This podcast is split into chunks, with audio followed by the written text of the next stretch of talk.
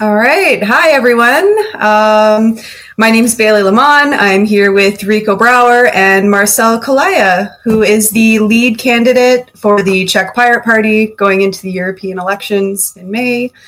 Uh, hi, Marcel. Hi, everybody. Thank you for joining us. It's great to talk to you. Um, so our first question that we have here is, uh, I mean, we know your name now, but uh, maybe for those who are watching this video who don't know you, maybe you could just introduce yourself, tell us a little bit about you, maybe your profession, your political experience. Absolutely. Um, so my name is Marcel Kolaja, and I am a leader of uh, the Pirate Party in the Czech Republic uh, in the European elections. Um, I I started, uh, you know, being involved in European politics in 2003 uh, when uh, when the European Commission proposed introducing software patents in the EU, which um, uh, funnily enough, the Czech Republic was not the member of the European Union uh, at that time yet. And uh, um, as as the years went and uh, we uh, we managed to stop the software patents in 2005. The Czech Republic joined the European Union uh, in the meantime, and then uh, in 2009, the Czech Pirate Party uh, uh, was established, and I joined the party roughly a year after that. That in 2010 and I became actively involved in the party. I um, I was um, uh, a co-chairman of the Pirate Parties International. Then I was a vice chairman of the uh, of the Czech Pirate Party, and I was a candidate in the um, uh, European elections five years ago as a number two on the list. And now I am here as the number one on the list. In the meantime, I uh, I, I worked in communal uh, politics. I was a member of a committee of information technologies uh, in Brno, where I live. Uh, and uh, I also worked on uh, founding an NGO called Open Cities that helps uh, that helps cities to be more open and transparent for their citizens. Wow, that's pretty cool. So this isn't your first time in the election, going into an election at the at this level. Um, that's cool. So, uh, how would you describe your overall campaign? Like your team, your fellow candidates. Um, how did you put together your electoral list? Um, what was the process for that? Yeah, so we have a really cool team. Um, I think um, we are you have already interviewed uh, Marketa, the number two on the list. Um, the number three is Mikulaj, who is currently an, um, a, a, member of the national uh, parliament and member of uh, of, of the the European um, committee in, in the uh, in the national parliament. Then we have uh, uh, Lukáš, who is interested in environmental politics and he has also done a lot uh, against corruption, um, and uh, and he has already received an award for for that. So we have a really really cool team. The list goes on, and the interesting thing about the list is that it has been set up in primary elections where all members of the party could vote. Uh, maybe it's not something uh, completely weird in uh, the pirate parties, but it's definitely not common in other political parties.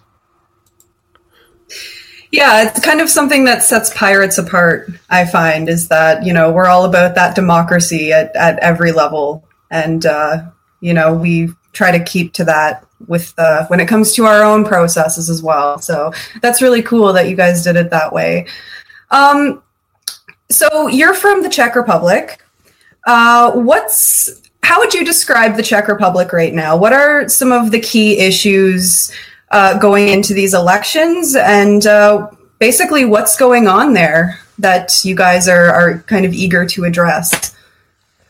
Yeah. So um, so to to better understand the political situation, we have um, a really strong movement called ANO here, which means yes, um, led by uh, led by the current Prime Minister Babiš, who, uh, on the other hand, is uh, most probably in the conflict of interests uh, because uh, he, as a Prime Minister, is one of the key people to to decide about um, the the subsidies policy, the subsidies that come from the European Union, uh, while his companies are also taking advantage of these, they are receiving these subsidies. So uh, the European Commission actually has that on the table, and we're pushing.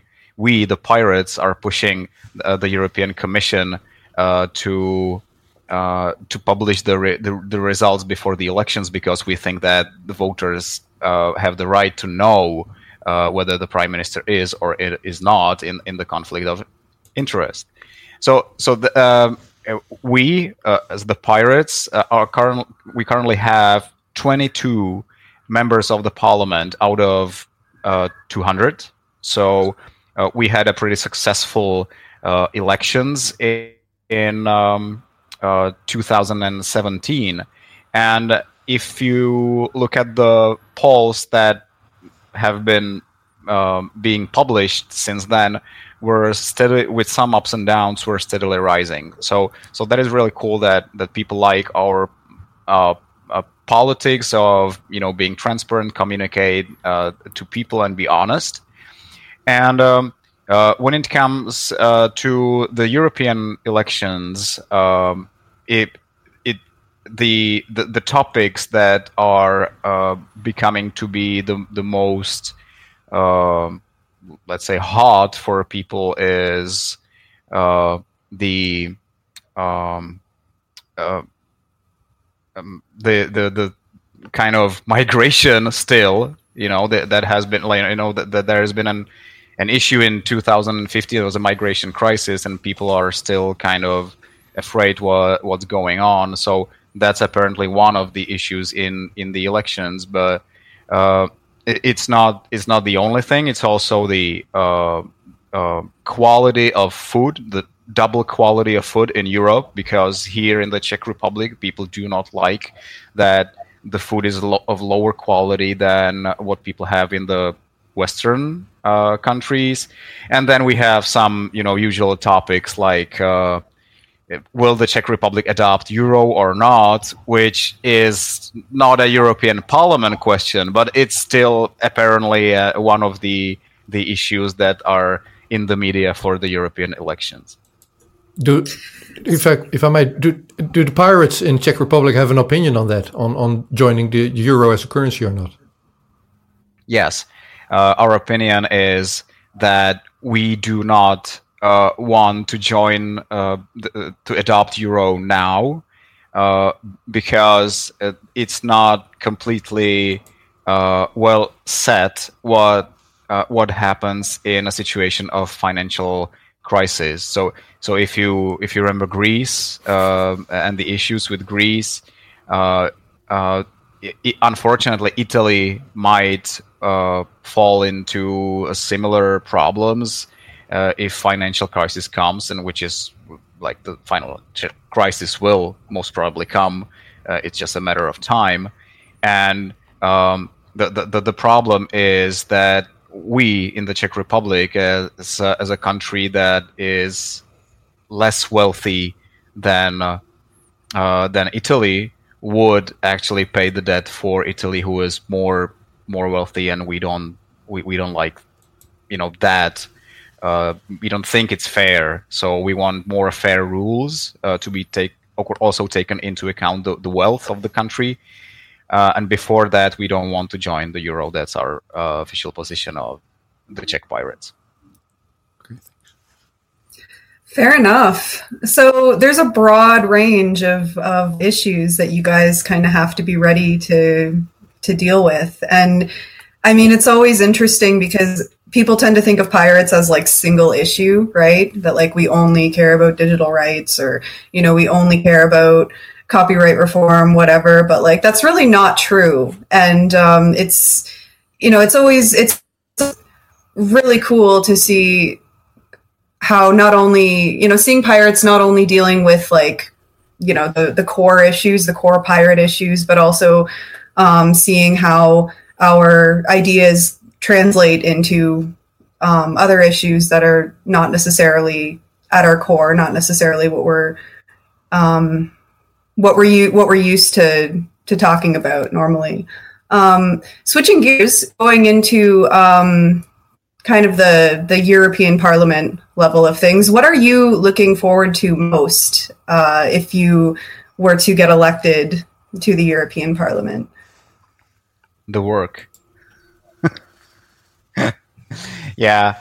So uh, the, the the reason why I'm uh, running for a seat, and I was running for a seat five years ago, uh, and, um, and, and the same reason why I joined activism 16 years ago um, is that the most important. Uh, uh, no, it's it's not probably uh, the best to put it this way, but but there are important issues that cannot be solved on national uh, level, and and these issues are um, uh, can be solved on the European level only, and the, the, the European cooperation in the European Union is the only way how to solve these problems, uh, and mostly the uh, the the pol- the policies that I have been interested in like since 16 years ago um, are all all of them have to be solved on the uh, all of them have to be discussed on the European level.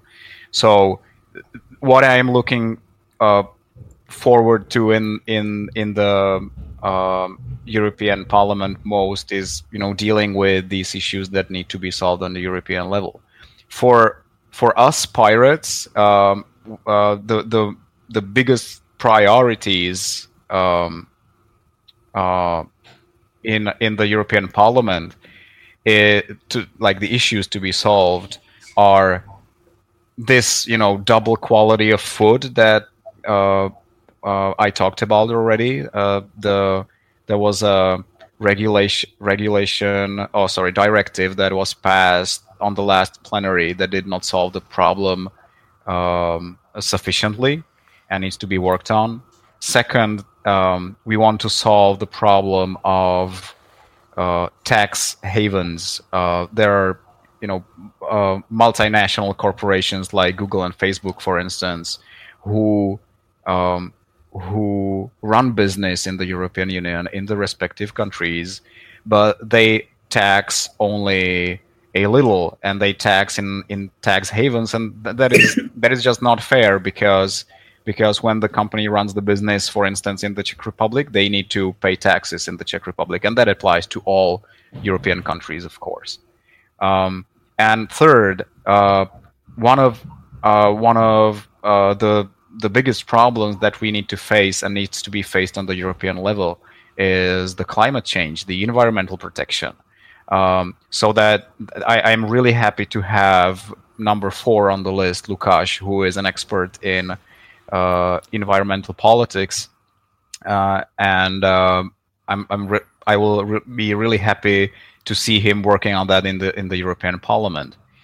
And in in in general, uh, we we have been seeing the trend of nationalist and populist parties, you know, rising in, in, in Europe, which kind of comes with the political, let's say, crisis or stagnation that we are in. And I believe that this is caused by by bad politics uh, done by the political forces that currently are in the European Parliament. Uh, the uh, the mo- most powerful, which is um, mostly EPP.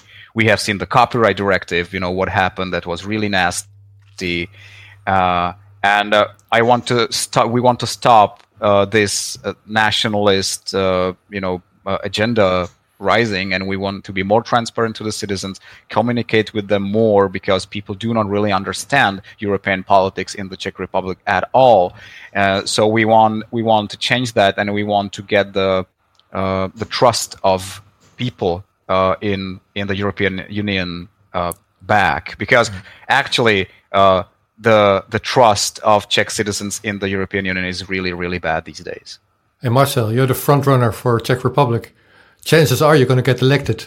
So how are the preparations on a personal level going for you with your job, your work, um, where you're going to live in Brussels? Are you working on those things already as well or not? Yeah, so uh, I, I, believe that I have been preparing uh, for years, basically, uh, you know, to to be in uh, being involved in in the politics, even though not elected in the parliament, and. Um, uh, yeah, now now it's really busy already because like it, we're getting all the media attention that comes with with the with the campaign. We're starting the campaign officially on on Monday, and it's gonna be you know really really super busy.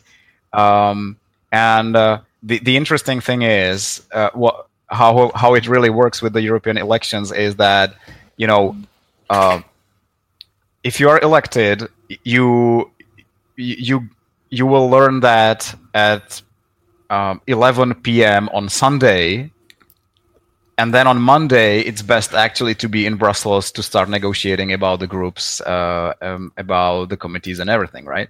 So, so uh, I already have a flight ticket. Actually, our five top candidates have flight tickets because we don't want to miss the chance uh, if we are elected to be from the start there and you know start the negotiations because that's going to be uh, that's going to be uh, a, a busy. That's going to be busy weeks, you know, after the elections.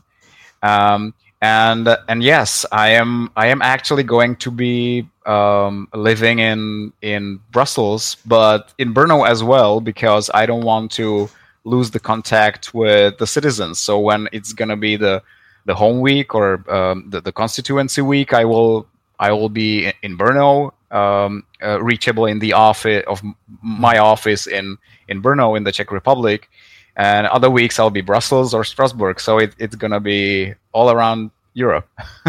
Typically, that's the hardest question that people ask you. So, how many people do you think are going to get elected with you? Oh well, we we bought five plane tickets just to be prepared. So that's good for confidence. Marcel, thank you so much for give uh, for this interview, and also maybe you can ask your number four to um, to join us in, in, an interview like this and talk about his environmental uh, plans. Yeah, that would be really cool. Uh, uh thanks for having me. Thank you so much. It was great to talk to you. Thank you. Good luck. Bye bye.